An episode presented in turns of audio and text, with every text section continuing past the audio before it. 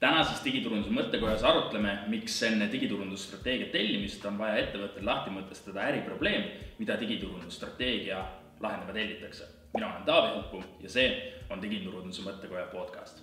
enne, kui me üksipulgi hakkame digiturundusstrateegiat lahti võtma, on meil vaja enda jaoks lahti mõtestada, mis on strateegia ja mida see ei ole. ehk strateegia on kogum valikutest kogum valikutest, mis aitavad sinu ettevõtte paigutada mänguväljakule nii, et sina oma ettevõttega võidaksid selles konkurentsis. ja just nimelt kogum valikutest, see tähendab seda, et sa ei pea kõiki neid tegevusi tegema, mis sa äh, enda strateegia nii-öelda eeltöö käigus seal välja selgitad, milliseid tegevusi äh, teha võiks, vaid sa valid välja need kõige efektiivsemad tegevused, mis aitavad sul selle soovitud eesmärgini jõuda. nüüd, mida strateegia ei ole? strateegia ei ole tegevuskava, see ei ole plaan ehk siis plaan või tegevuskava koosneb äh, reaalsetest tulemitest, eelarvetest, vastutajatest. kui sa liiga detailseks oma strateegiaga juba lähed, siis võta kaks sammu tagasi, sa võid juba aimata, et sa lähed liiga mikromanageerima. strateegia eesmärk on anda selline holistiline vaade igale huvigrupile ja selle alusel nemad saavad siis oma ekspertiisi najalt teha juba konkreetse tegevuskava, määratleda ära vastutajad, määratleda ära eelarved, määratleda ära tulemid, mis on eh, sealt eh, nii-öelda võimalik saavutada.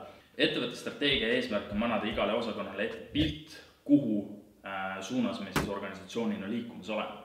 ja selle eesmärk ei ole anda ette konkreetset tegevuskava, mida keegi tegema peab, milline on näiteks sisugraafik, mis on vaja sotsiaalmeedias postitada, vaid selle eesmärk on anda holistiline vaade igale huvigrupile anda siis ülevaade sellest eesmärgist, mida ettevõte saavutada tahab. põhjus, miks digiturundusstrateegias tekivad sellised suured käärid aasta lõpuks, kui hakatakse tulemusi üle vaatama ja ongi selles asi, et ei ole ettevõtte strateegiad paigas. Oh my god, okay, it's happening. Everybody stay calm. What's the procedure, everyone? What's the procedure? Stay calm. juhtkonna tasandil ei olda ühel lehel, äh, mida täpsemalt siis ettevõtte äh, puhul soovitakse tulemitena siis aasta, aasta lõikes saavutada mis on sobivad tingimused strateegia maksimaalseks soorituseks? ehk äh, selleks, et me strateegiat suudaksime täita võimalikult efektiivselt äh, nende olemasolevate ressurssidega, mis meil on, on meil vaja mõista ka seda, kus me parasjagu oleme.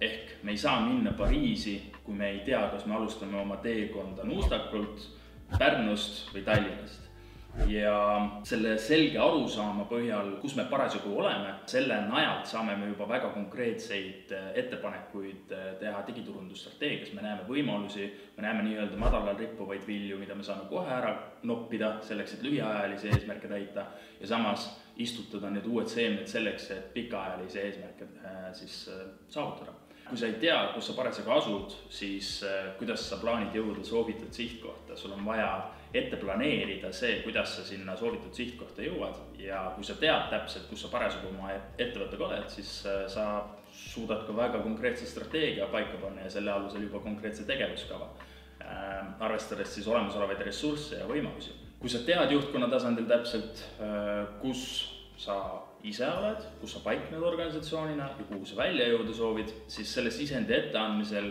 vahet ei ole, millisele nii-öelda osapoolele või huvigrupile sa seda sisendina annad, sa saad hoopis parema tulemuse kui see, et sa jätad selle nende enda välja siis äh, mõelda ehk eh, digiturundusstrateegia mõistes me saame ka väga palju informatsiooni ettevõtte strateegia olemasolust. selle nii-öelda iseloomustamiseks ma toongi välja täna eh, Roger Martini viis sellist põhiküsimust, mida tema soovitab ettevõtetele strateegias eh, paika panna, selleks et oleks selline suur holistiline vaade olemas. esimene küsimus, milline on meie eesmärk?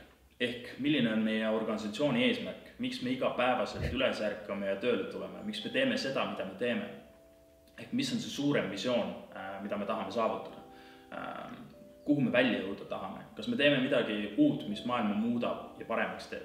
Äh, kui jah, siis mis see täpsemalt on? selle sõnastamisel saame me paremini aru, miks me igapäevaselt äh, oma tööd teeme ja kuhu me täpsemalt välja jõuda tahame, mis on see soovitud suurem eesmärk. teine küsimus, kus me tegutseme, milline on see niinimetatud mänguväljak, kus me mängida tahame? Milline on kliendi segment, keda me kõnetada tahame, äh, kellega me koostööd teha soovime. võib-olla on seal eraldi veel mingid huvigrupid, kellega me tahame eraldiseisvalt äh, selliseid koostööpartnerlusi luua. Äh, ka see on vaja selgeks mõelda. millises geograafilises piirkonnas need paiknevad, millised on need huvigrupid, kes võib-olla otsustusprotsessis kaasa räägivad näiteks B2B sektoris kolmas küsimus, kuidas me plaanime sellel mänguväljakul võita, ehk siis mis on see game plan selleks, et äh, me saavutaksime oma eesmärki. Äh, selle jaoks on vaja siis mõelda, mida me peame selle eesmärgi saavutamiseks tegema, et teistest konkurentidest eristuda, äh, mida me peame tegema teistmoodi selles olemasolevas kliendisegmendis, võib-olla on midagi, mis aitab meil eristuda paremini, millele konkurendid ei ole veel mõelnud, kuidas me täpsemalt nendest konkurentidest eristume millist probleemi me lahendame ja kelle probleemi täpsemalt lahendame, mida me tahame, et nad teaksid meist, äh, ehk siis kliendisegment, mida me tahame, et äh, see kliendisegment meist teaks ja kuidas seda täpsemalt neile selgitada. neljas küsimus, millist võimekust meil selle eesmärgi saavutamiseks vaja on?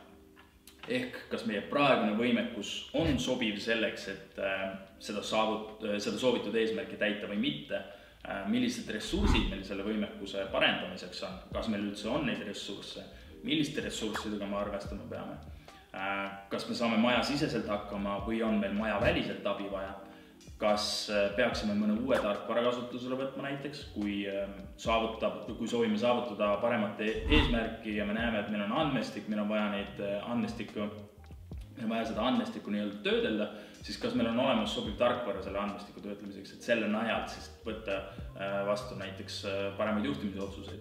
Ähm, kas me peame otsima strateegilise koostööpartneri või süübima ise nii-öelda äh, sellesse tegevusse rohkem sisse või sellesse valdkonda rohkem sisse, majasiseselt neid ressursse sinna ähm, koondama ja kas meil on üldse know-how olemas selliste teemade jaoks või peame me võtma siis lisakoolitusi, õpetama inimesi välja selleks.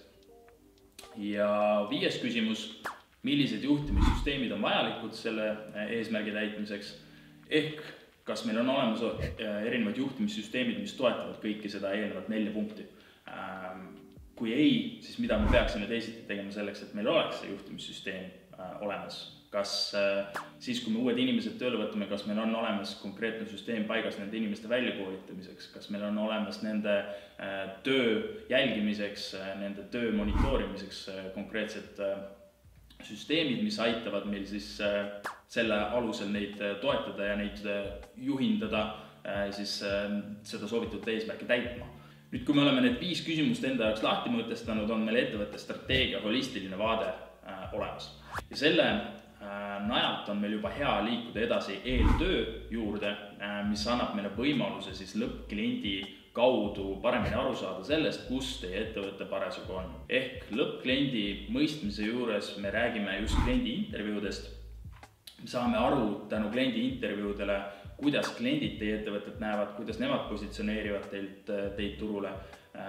Ja, ja, ja läbi selle me saame paremini aru teie praegusest hetkeolukorrast ja teades, kus äh, sinu klient paikneb, mida ta täpsemalt teeb, äh, milliseid sõnumeid ta täpsemalt saab, mis liigutab nii-öelda seda nõela heinakuhjas, siis ähm, on sul võimalik ettevõttele luua seda lisaväärtust läbi kliendi. kuna ettevõtetes kliendiinfo kogumise ja selle analüüsiga igapäevaselt ei tegeleta, siis äh, tulebki läbi viia kõigepealt see eeltööprotsess, mis võtab aega, nõuab ressursse, nõuab arusaamist, nõuab inimest või tiimi, kes kogu selle klientidega seonduva info nii-öelda kokku kogub ja seda siis analüüsima hakkab ja hiljem paketeerib siis selle arusaadavasse keelde ka juhtkonnale äh, või erinevatele huvigruppidele siis ettevõtte sees.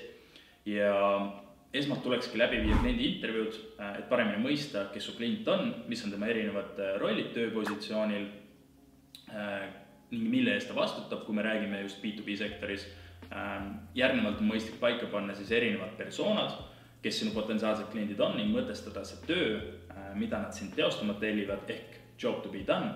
sellele järgneb konkurentsianalüüs, äh, mitte selles mõttes, et teie ettevõtte siseselt kaardistate ära konkurendid, kellega te turuosa nimel võitlete, vaid ikka need konkurendid, kellega sinu ettevõte võitleb sama teenuse, toote või nii-öelda tellitava töö ehk job, job to be done'i eest äh, siis kliendi peas ja sisendi konkurentsi analüüsiks saab mõistagi kliendi intervjuudest, klientidega suheldes ja hoolikalt märkmeid tehes me saame juba väga selgelt aru, et millised on need konkurendid, kellega teid tihti võrreldakse, kuidas teid positsioneeritakse nende äh, konkurentide äh, kõrval ja selle käigus tekib, tekibki parem arusaam, kellega sa täna oma ICP ehk siis ideaalkliendi profiili tähelepanu eest võistled ning millistel tingimustel täpsemalt. kas see, kas see kogu nii-öelda võistlemise, konkureerimise efekt läheb kokku selle ettevõtte visiooniga, selle ettevõtte suurema holistilise vaatega, kui ei, siis on vaja seal korrektuure teha, kui jah, siis on juba väga hea põhi või vundament siis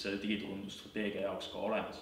Rääkides lõplikust digiturundusstrateegiast, siis äh, ongi meil vaja luua nii-öelda holistiline vaade ka digiturundusstrateegiale, kombineerides siis omavahel ettevõtte strateegia ja lõppkliendi mõistmise.